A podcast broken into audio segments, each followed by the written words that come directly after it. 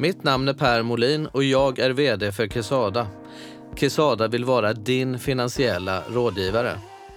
Vi sätter en ära i att vara lite annorlunda och vi brinner för att sätta en ny standard i branschen. Tack för att du lyssnar på Q-podd.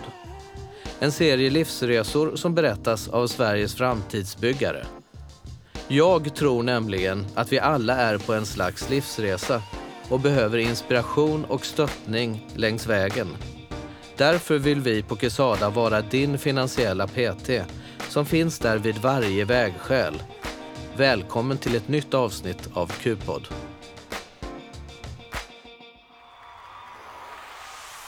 Du lyssnar på Q-podd, en digital mötesplats för Sveriges framtidsbyggare. En serie av livsresor som presenteras av Quesada.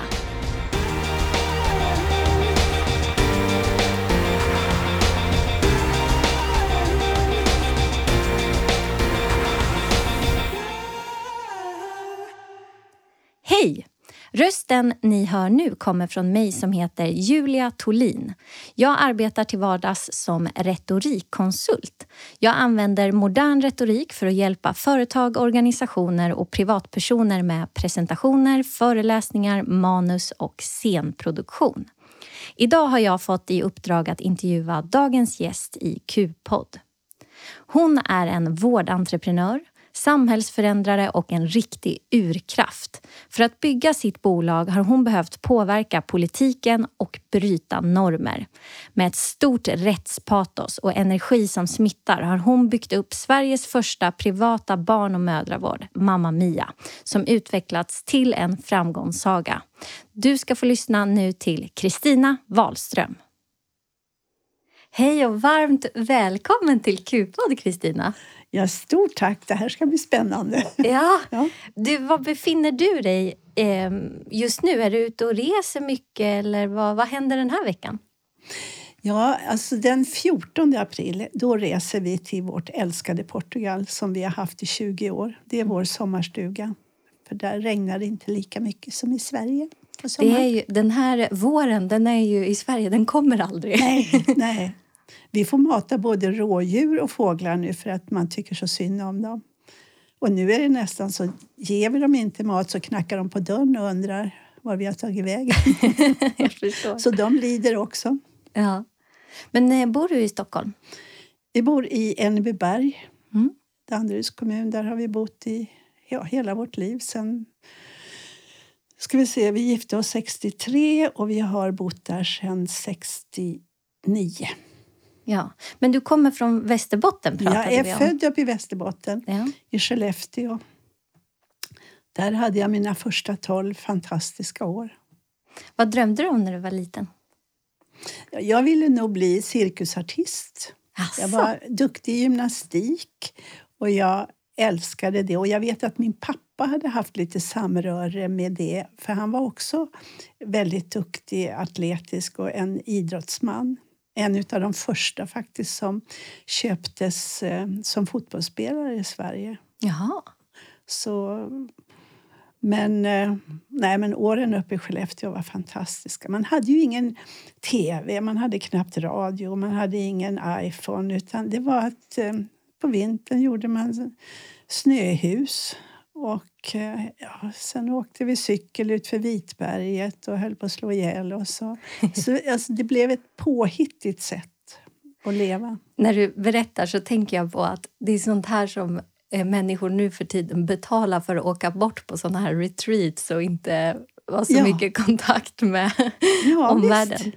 Ja, nej, jag måste säga att vi gjorde Ja, allt. Vi hittade på lotterier som vi sålde och jag gjorde simdyner utav att gå upp på Folkets park och plocka alla korkar ifrån läskedrycksflaskorna och så satt jag hemma och sydde ihop dem där och så skulle det bli simdyner då så att man skulle flyta när man simmade i vattnet.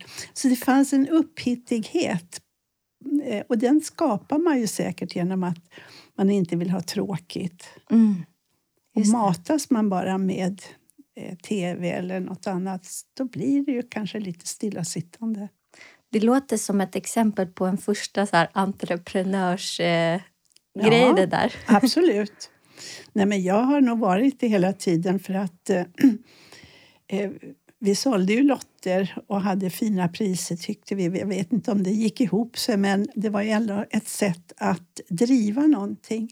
Och likaså, jag plockade lingon i Småland när vi bodde där en period och sålde och köpte mina egna kläder för det. Mm. Så att det har alltid funnits hos mig, tror jag, att hitta på saker. Hur kom det sig att du utbildade dig till barnmorska? Ja, det var lite slump, men jag ville ju bli antingen gymnastikdirektör, cirkusartist eller sjukgymnast och sökte in till sjukgymnast, kom inte in. Och då tänkte jag, äsch, jag söker väl till sjuksköterska då. Och då kom jag in. Och eh, eh, ja, och sen kände jag när jag gick utbildningen att jag vill ha ett självständigt yrke. Så att då blev det barnmorska mm. som jag vidareutbildade mig till. Och det ångrar jag inte för en dag. Jag skulle kunna gå och jobba gratis, tror jag. Det är så? Ja. Jag längtade till arbetet när jag var ledig. Wow. Det är fantastiskt. Hur var det att, att, arbeta som barnmorska när du, innan du startade företag och var anställd? Hur var den tillvaron? Alltså tillvaron med alla föräldrapar och arbetskamrater och så, den var inget fel på alls. Det var jätteroligt och som jag sa så längtade jag till att få vara på arbetet. Däremot organisationen och hur det bedrevs kände jag en väldig frustration inför. Dels den här fruktansvärda eh, att vi skulle hålla på med så mycket papper. Och eh, då räcker ju inte tiden till riktigt till eh, ja, mammorna och det vi skulle göra. Och likaså slöseriet med förbrukningsartiklar kände jag också att ja, alltså det kändes fel. Men, och jag har förstått att det var någonstans i den här frustrationen som du tillsammans med några kollegor också fick idén om att starta upp Mamma Mia. Vill du berätta kort för de som inte vet, vad är Mamma Mia? Ja, Mamma Mia är ju mödravård.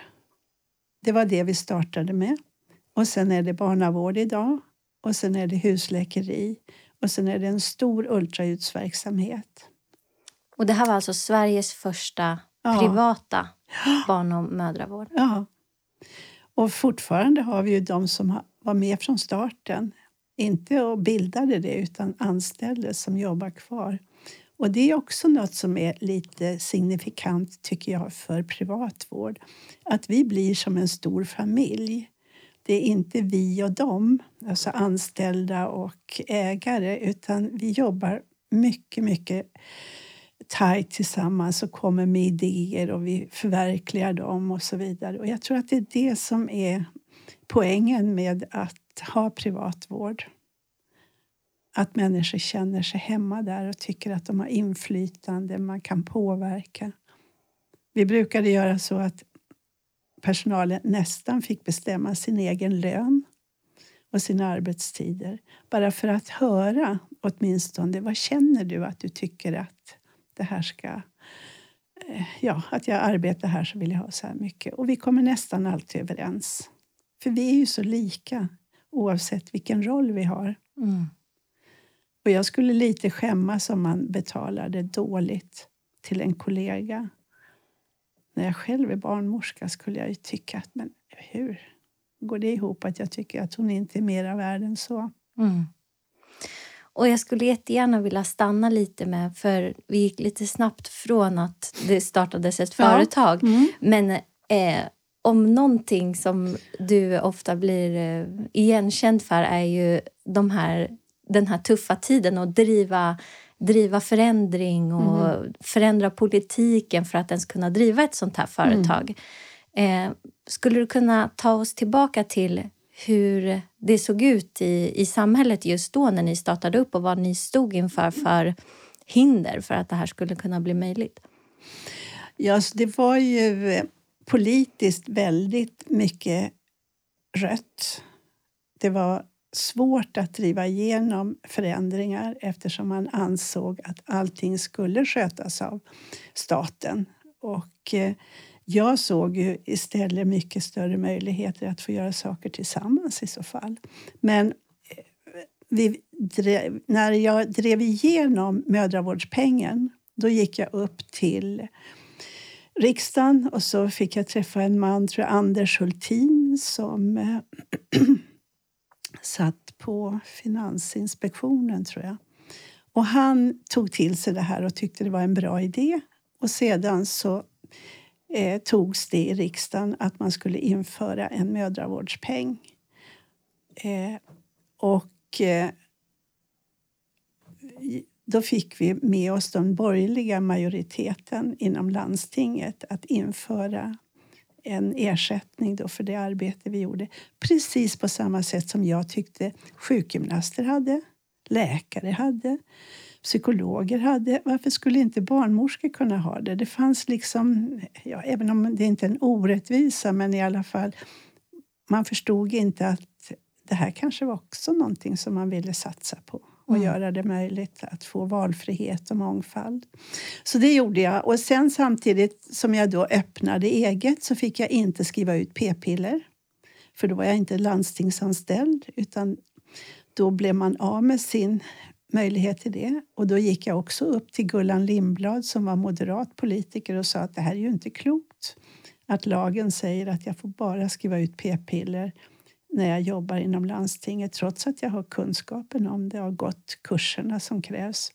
Ja, då tog hon det till sig också och såg till att eh, eh, det blev en ändring av lagen så barnmorskor fick då förskrivningsrätt för preventivmedel. Och det var ju en jättegrej. Mm. Men jag kommer ihåg, det var då jag var uppe på riksdagen jag får ändra mig här lite grann för att när det gällde mödravårdspengen så var det ju landstingspolitikerna som införde det. Lars Joakim Lundqvist och ja, det var flera landstingspolitiker på den borgerliga sidan som införde vårdvalet. Mm. Just det. Och det här betyder alltså att när ni började verksamheten, då ja. konkurrerade ni mot någonting som var helt gratis? Ja. Hur var det här första året? De första fyra åren, mellan 88 och 92, de var ju jättejobbiga. Då kom det ju nästan inga mammor.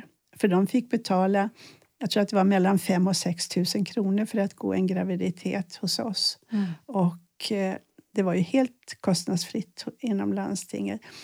Det innebar att efter ett år så var jag ensam, för det var ingen som kunde överleva och få lön för vi hade inga pengar att betala ut löner utan vi arbetade i stort sett gratis.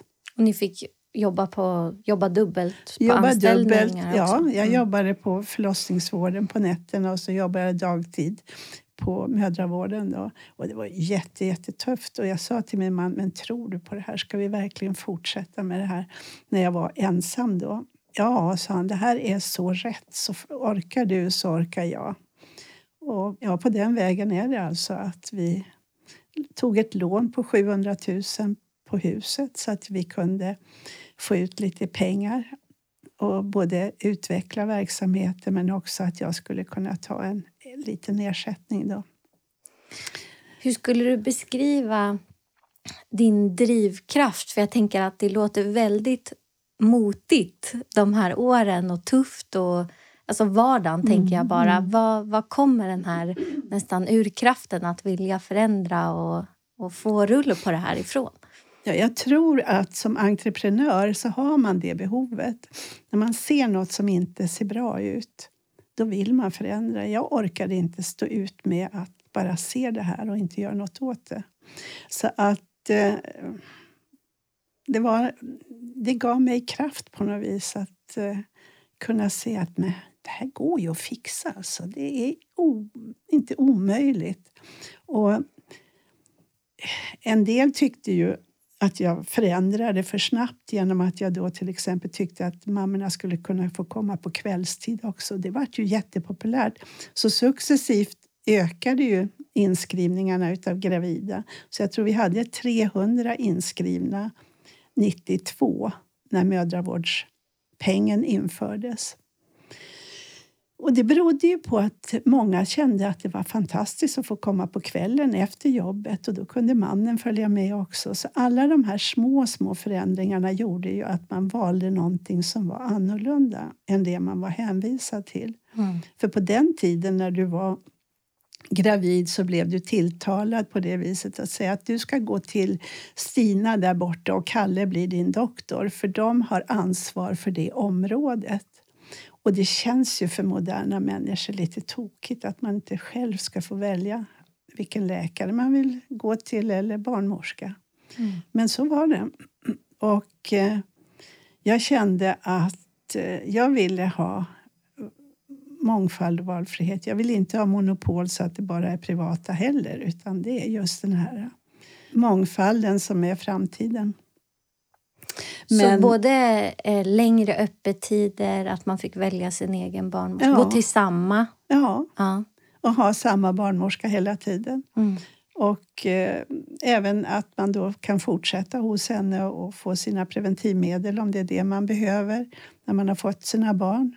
Och sen så att vi öppnade barnavård, för det var ju ofta föräldrarna som pushade på så men kan ni inte öppna eh, barnavård också för vi skulle så gärna vilja fortsätta att gå här. Och på så sätt så kände man ju också stimulans och kraft utav det de ville. Så då var det inte alls så svårt att påverka politikerna igen. Hur har eh, företaget växt från den här första platsen som ni var ja. på till eh, hur det ser ut idag? Ja, jag kan ju nämna det också eftersom du tog upp det här med svårigheter. Vi drabbades av två väldigt riggade revisioner utav landstings... Eh, ja, alltså två läkare inom landstinget som ville få bort oss. Och då, gjorde de, då fick de uppdraget att göra revision på oss och det gick ju inte bra. Det var bara fel på oss. Mm. Men sen gick jag till landstinget och sa att det här är inte okej, okay, sa jag. Att de här personerna ska granska oss. Jag vill ha en oberoende person. Någon ifrån ett annat landsting som kommer och tittar hur vi bedriver verksamheten. Och eh, då fick vi en läkare och en barnmorska ifrån Uppsala som kom och de gjorde fantastiskt gediget jobb och vi fick väldigt mycket beröm efteråt att vi hade en så fin verksamhet. Så en utav dem sa jag skulle gärna jobba här. Så att det, alltså det var ett motigt både politiskt men också ifrån de som vi konkurrerade med. Mm. Och det är lite olyckligt att vi känner så tycker jag för att vi behövs ju allihopa. Det är inte så att det ska bara vara vi som finns. Men vi har ju vuxit enormt. Vi var, hade ju, idag har vi flera tusen inskrivna. Jag tror att det är 7-8 tusen gravida. Och eh, likaså barnavården, den exploderar nästan. Så att, och det visar ju på att människor vill ju ha det här med mångfald och valfrihet och känna att man själv bestämmer. Vi på Kesada vill lyfta och stötta Sveriges framtidsbyggare. Vi hoppas att du kan inspireras av våra poddavsnitt. En framtidsbyggare är alla personer, unga som erfarna, som bygger vår framtid och skapar välstånd för sig själva och andra. Kesada är din moderna finansiella PT. För oss är pengar inte ett mål i sig, utan ett medel för att berika ditt liv i alla dess skeden. Hur går tankarna framöver? För jag vet att du fortfarande, även fast du har eh, gått av operativ roll ja. nu, eller mm. hur? Och lämnat över till barn. Ja. ja. Hur är det förresten? Tre barn. Ja. För alltså, de är alla tre involverade på olika roller. Ja, eh, flickorna först. Mm. De var i stort sett med från starten och hjälpte till att skura golv och ja, svara i telefon när de var lediga från skola och sådär. Så att Eh, Eh, de har varit med hela resan. Sonen som är yngre då, han pluggade i USA lite grann och sen han eh, utbildade han sig. Han är duktig inom IT och sen så, så småningom bildade han ett eget bolag. Och eh, eh det gick väl inte så där som han hade tänkt sig riktigt. Och i och med det så ville han väldigt gärna bli en del av Mamma Mia eftersom han trodde mycket på det. Och han är gift med en eh, danska som är läkare. Så att de känner ju också mycket för att utveckla det här eh, åt rätt håll. Så att eh, barnen har tagit över, det ja. har varit ganska naturligt eller? Ja, det kändes inte jobbigt alls. Det är klart, i början så tror jag var lite klåfingrig och la mig i för mycket. Eva blev ju VD och så då fick hon säga till mig faktiskt. Nej, men nu är det ju jag som är VD. Ja, ja visst, så. så att det är ju inte helt komplikationslöst utan det blir ju små saker som man måste lära sig att hantera. Men vi har en fantastisk familjekänsla. Det går jättebra att vara tillsammans och jobba. Och, och jag vet att du nu också är engagerad för de här frågorna, inte bara i Sverige utan ute i världen och vill förändra. Vill du berätta lite kring det? Ja. Eh, det här klimatet som vi har haft nu utav politiker som gör att det är så osäkert allting och vi trots att vi idag omsätter 200 miljoner och har 200 anställda så känner vi ändå att vi är rätt så små gentemot de stora som Capio, Aleris, Praktikertjänst. Och då kände vi så att nej, ska vi lyckas med det vi vill så måste vi hitta en lösning. Och då gick vi ut och talade om att vi gärna ville ingå i en större organisation. Så vi har sålt företaget till ett fantastiskt företag, tycker jag, som heter Nordstjärnan. Som är ett gammalt fint familjeföretag. Och de vill, precis som vi, utveckla välfärden både i Sverige men också i utlandet. Och då har jag haft en affärsidé nästan sedan start att jag vill skapa bättre välfärd för kvinnor och barn i världen. Jag har varit i Tanzania och tittat på förlossningskliniker där och sett hur det går att förändra. Eh, vi har en läkare som heter Staffan Bergström som har byggt kliniker och i stort sett fått ner barnadödligheten och mödradödligheten till svenska förhållanden. Mm. Han jobbade med Hans Rosling som ung också så att eh, det är en sån här riktig eldsjäl. Och jag kände också då att ja, det, här, det är det här jag skulle vilja att Bangladesh och Indien och de kvinnor som lever i Afrika i andra delar än Tanzania att få tillgång till mödravård och barnavård på nätet. Inte så att vi ska bedriva vården utan vi ska ge dem information så att de söker vård i rätt tid och informera dem om vad en graviditet innebär och även skydda sig mot om man inte vill bli gravid. Och det här är någonting som vi ska göra. Även Kina ska vi påverka. Har eh, du börjat vara ute i världen och, och se hur det ser ut och resa omkring? Ja, jag har ju sett lite grann, framförallt i Indien när vi var där. Min man och jag har inte rest så mycket när vi var unga men nu på äldre dagar har vi passat på. Så vi gjorde en jorden runt-resa faktiskt. Och då var vi i de här länderna som inte har fått riktig ordning på sin välfärd. Bland annat Indien och Bangladesh och ja, inte, Laos fick vi inte komma in i, men det hade vi gärna velat. Så det finns ju så mycket att göra.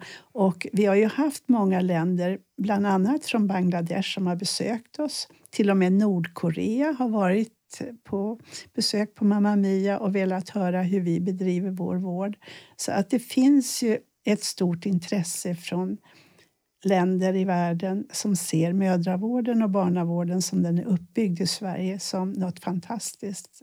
Så att jag tycker det är idiotiskt att vi inte försöker exportera det här på ett smart sätt. Utan att tjäna pengar på fattigdom så ska vi istället använda de pengarna för att bilda stiftelser som då kan ja, utveckla det ännu mer. Berätta mer kring det, hur det är tänkt att, eh, hur planen ser ut här framöver. Ja, men planen ser ut att jag vill anlita stora svenska fina företag eh, som Vattenfall, Ikea, Hennes Mauritz eh, ja, alla de här bolagen som är ute i världen och låta dem köpa en app som innehåller allt det här materialet som kvinnor och barn ska få ta del av för att känna sig trygga under sin graviditet. Att man ska kunna informera föräldrar om symptom som barn kan få och när de då behöver söka läkarvård. Och då innebär det att företagen köper app till sina anställda. Och de pengarna använder vi sen i en stiftelse för att bygga ut det här så att de som inte har en tjänst också ska få ta del av det.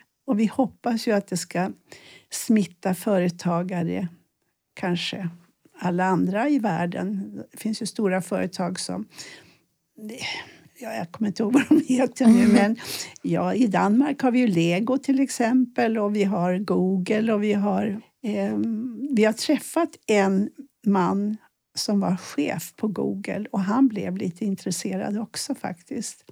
Så att det finns ett intresse hos Eh, näringslivet att vara med och ge sina anställda välfärd utan att det går via skattepengar.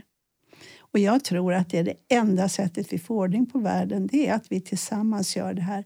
Inte att man hårdbeskattar företagare eller människor utan att man förstår att vi själva måste få vara delaktiga i det genom att vi frivilligt ger ifrån oss lite pengar. Det är ett betydligt bättre sätt att få samhörighet i ett samhälle. Mm. Så att så ska vi göra. Eh, och det ska bli gjort rätt så snart. Jag sitter och skriver på det här just nu. Spännande. Ja. Det är klart att det går att få ordning på jordklotet. Det måste ju gå. Ja. Eller hur? Men eh, jag, jag, jag tänker också på ditt sätt att tänka och din attityd för att det är ju någonstans grunden till att man faktiskt vågar och man tror att det går någonstans när det är mm. såna här men, världsproblem som man vill ja. ta tag i. Ja. Ehm, och jag vet att du har sagt förut att eh, det, saker och ting är inte svårt, vi har ju kunskapen. Det ja. gäller bara att ta sig tid. Eh, vill du berätta lite kring din, din inställning och varför du menar så här? Men det är ju egentligen enkelt, för det tänker ja. jag, det ligger inte naturligt för alla.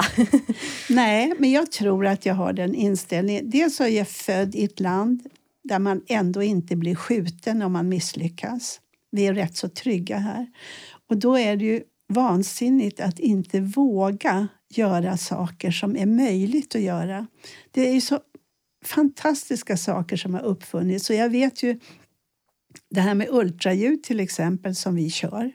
När jag visade vår yngsta dotter Åsa att mammorna fick då en bild, papperslapp med bild på bebisen så sa hon så här, men mamma man kan inte hålla på så här på 2000-talet, det här måste in i mobilen. Jaha, sa jag, hur ska man göra det då? Jag lugnar dig, jag tar hand om det här. Och det innebar att vi kontaktade ett företag som vi betalade pengar för att bygga den här appen. Eller plattformen heter det. Och i och med det så hade vi alla ultraljudsbilder i föräldrarnas, eller sina egna naturligtvis, bilder på bebisen så att de kunde skicka den till mormor eller morfar. Men det bästa med det var att man kunde skicka den till en doktor som kunde säga det här ser inte bra ut, den här ska in och undersökas. I Sverige behöver vi ju inte skicka en mobilbild utan man kan skicka en remiss när man upptäcker någonting fel.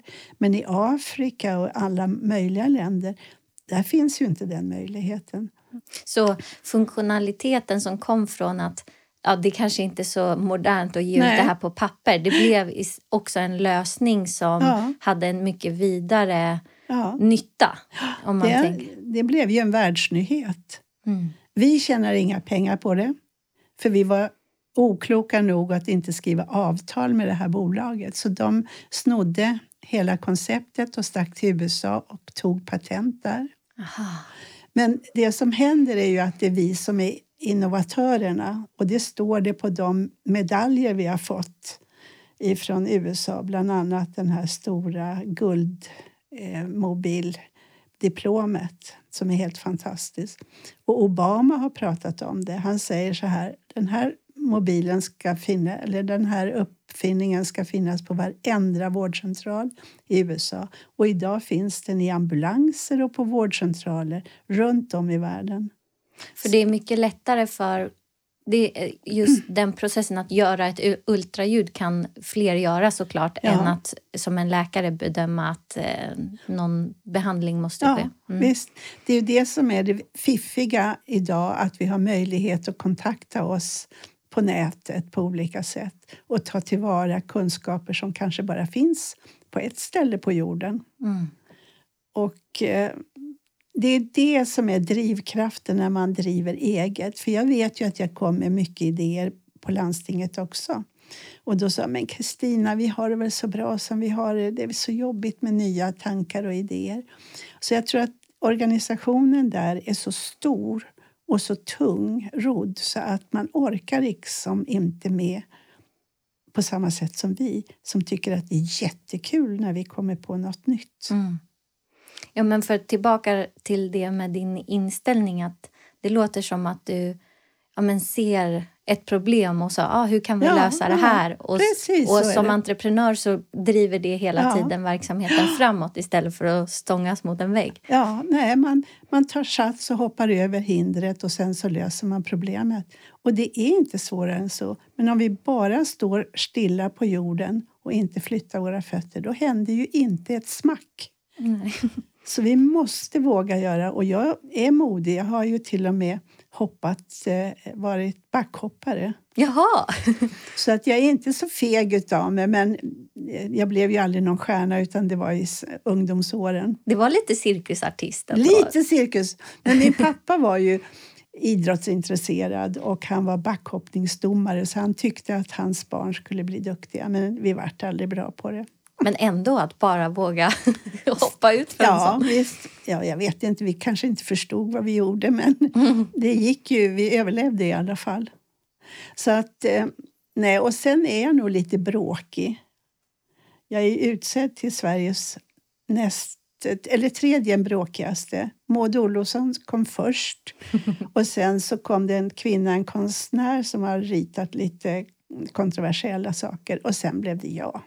Och jag känner att ja, om vi inte vågar ta tag i problem och bråka för att få dem lösta, då kommer vi ingen vart heller. Så att det är bara på problemet. Men eh, en fråga då, för den där listan så var det bara kvinnor i toppen. Ja. Eh, och det jag tänker på där, just det här hur man benämner mm. kvinnliga förändringar, mm. personer som förändrar som är kvinnor och entreprenörer ja. att man blir kallad för bråkig när ja. det kanske egentligen bara är man är strategiskt och mm. i, mm. har tålamod och mm, så.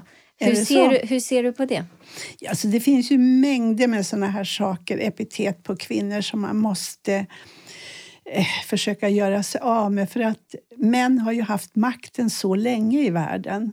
Och man kan väl inte påstå att det har blivit en fantastisk värld. Visserligen har vi lyckats få bort mycket fattigdom och så, men eh, jag tror ju att eh, kvinnor måste få ta mera plats. Kvinnor måste få möjlighet att jobba i de företag där de själva känner att de brinner och kan göra riktigt stor nytta. För vi är uthålliga. Kvinnor är betydligt mer uthålliga än vad män är. Och eh, det är därför kvinnor klarar av att brodera och sy och sånt där. Det fixar inte gubbarna. eh, så att eh, jag, jag, tycker att det är skamligt att man försöker lägga ett vinsttak på välfärdsföretag, både skolor och eh, sjukvård och hälsovård och omsorg. För att det är där kvinnor vill vara, för det är det vi känner att vi är duktiga på och vi har det inom oss väldigt mycket. Det finns ju hos män också naturligtvis. Men det är mer naturligt för kvinnor att ta tag i det.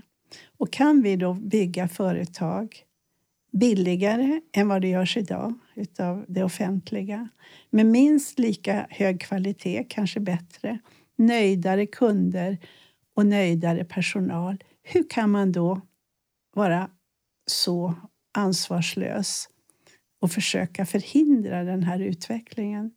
Det har jag så svårt att förstå. Jag, jag skulle inte säga någonting om de sa vi vill inte ha privata, hur bra det än är. För då är det en ideologi som man känner. Men när man gör det bara för att man tycker att kvinnor ska inte få göra vinst på sin framgång och sin skicklighet utan det ska bara män få göra. Det är det som känns så oerhört oförskämt ohederligt.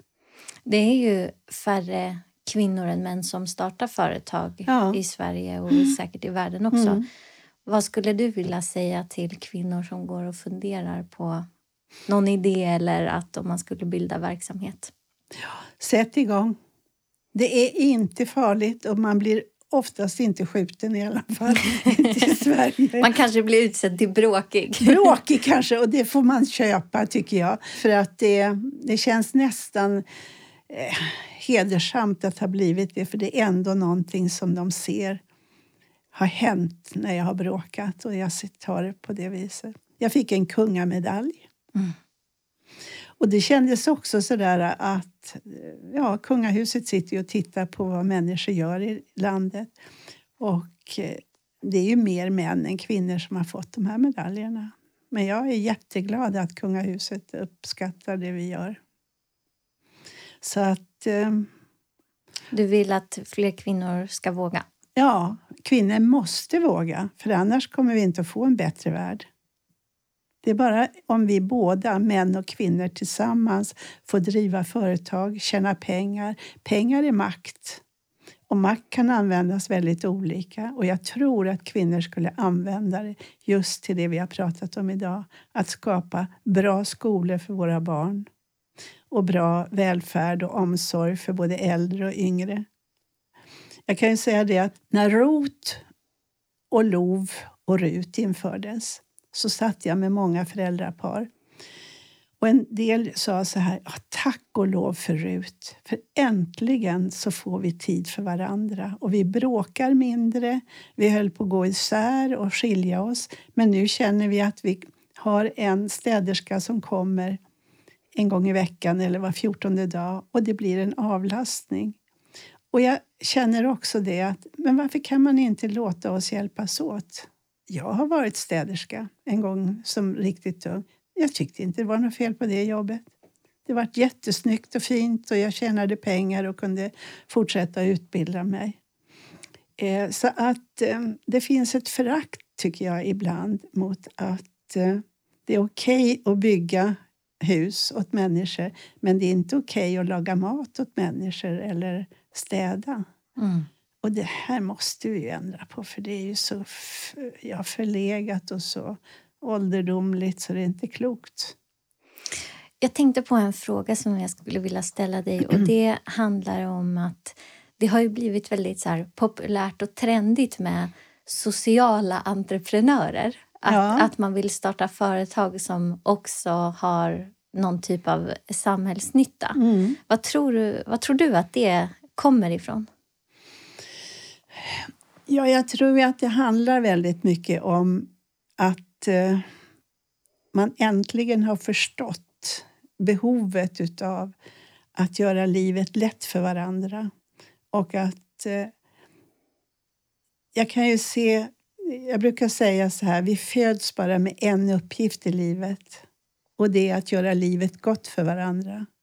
Och om vi bara lovar varandra att göra det varannan dag åtminstone så kommer ju världen att se betydligt bättre ut. Eh, så att jag tror att kvinnor har börjat ta för sig mycket mer och det är kanonbra. Då får vi förståelse för de här frågorna, hur viktiga de är. Eh, just det här att eh, ha personal eller medarbetare som inte vill sluta det beror ju inte på att de inte kan sluta utan det beror ju på att man har skapat en organisation där man ser varandra och bryr sig om varandra.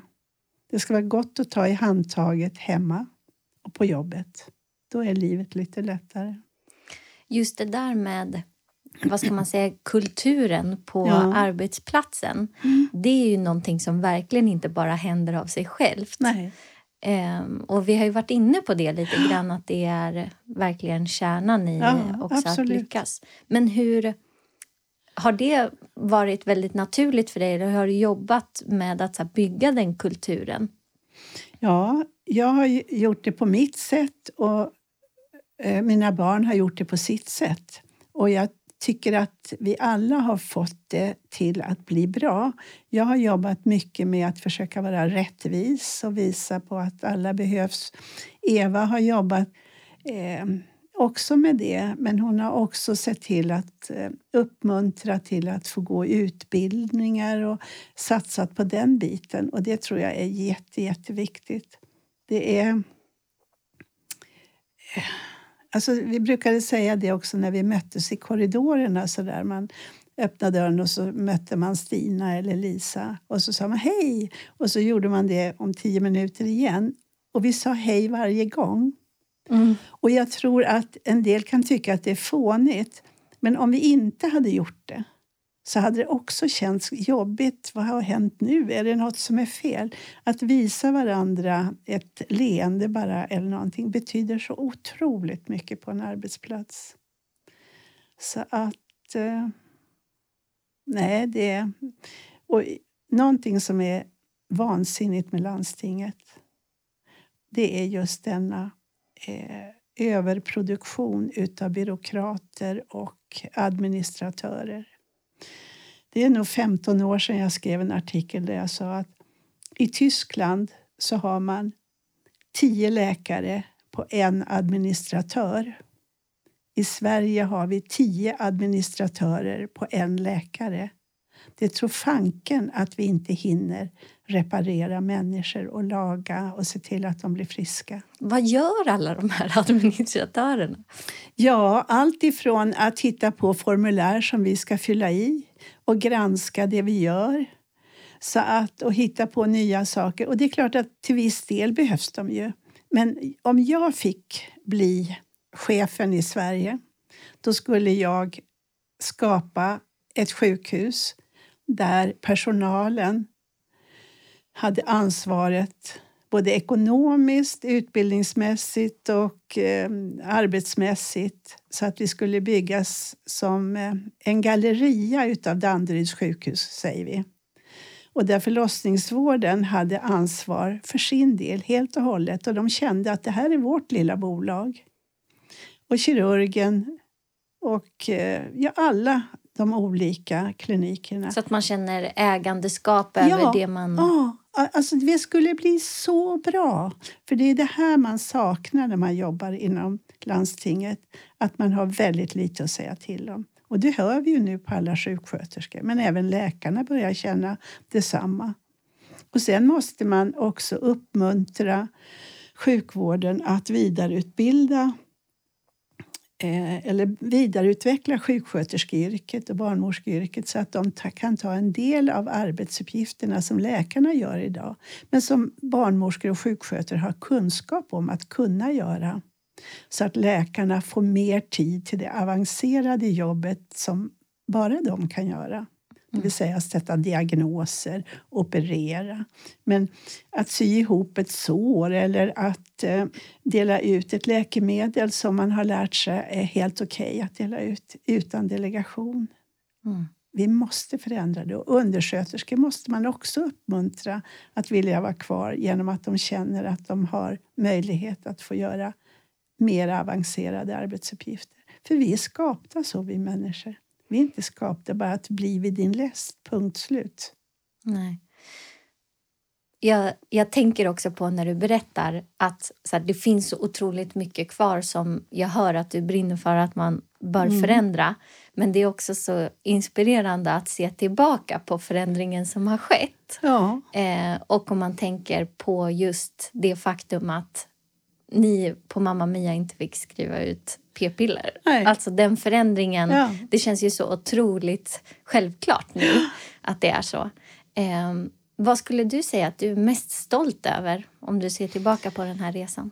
Eh, ja, eh, dels är jag jättestolt över den personalstyrka vi har. Att vi har haft möjligheter att skapa en sån fin atmosfär. Och det beror ju på oss i ledningen men det beror ju också på de som är där att uppskatta det och förstå värdet av det. Och det har gjort att vi är en jättefin organisation. Men sen är det naturligtvis Mobile Baby. regnbågsprojektet som jag drev igenom. Eh, ja, är det tio år sedan? Jag vet inte. Någonting sånt Mobile Baby, det är ultraljuds, det är ultraljuds till eh, digitala ja, bilden. Ja, ja, att man skickar ultraljudsbilden mm. till mobilen. Och sen regnbågs... Vad är det för något? Regnbågsprojektet det var ju det att eh, människor, eh, homo bisexuella, transpersoner som också blir gravida och vill eh, känna sig trygga när de går till sjukvården ska få göra det utan att känna att de blir ifrågasatt om det kommer två kvinnor och man säger är det din syster du har med eller så vidare. Man måste lära sig förstå att vi lever i ett samhälle där vi bygger våra relationer på olika sätt. Och då fick Söder göra det här, Mamma Mia Söder. Och eh, de hade ett stort intresse för det och de gjorde det jättebra. De utbildade all personal. Vi hade samarbete med Danderyds sjukhus där man också utbildade personalen när de kom till förlossningen. Och Mamma Mia Söder är ju en egen saga som... Eh, ja, jag gjorde det kanske lite fel, men jag gav bort eh, Mamma Mia till hälften till de barnmorskor som jobbade där. De var fem stycken.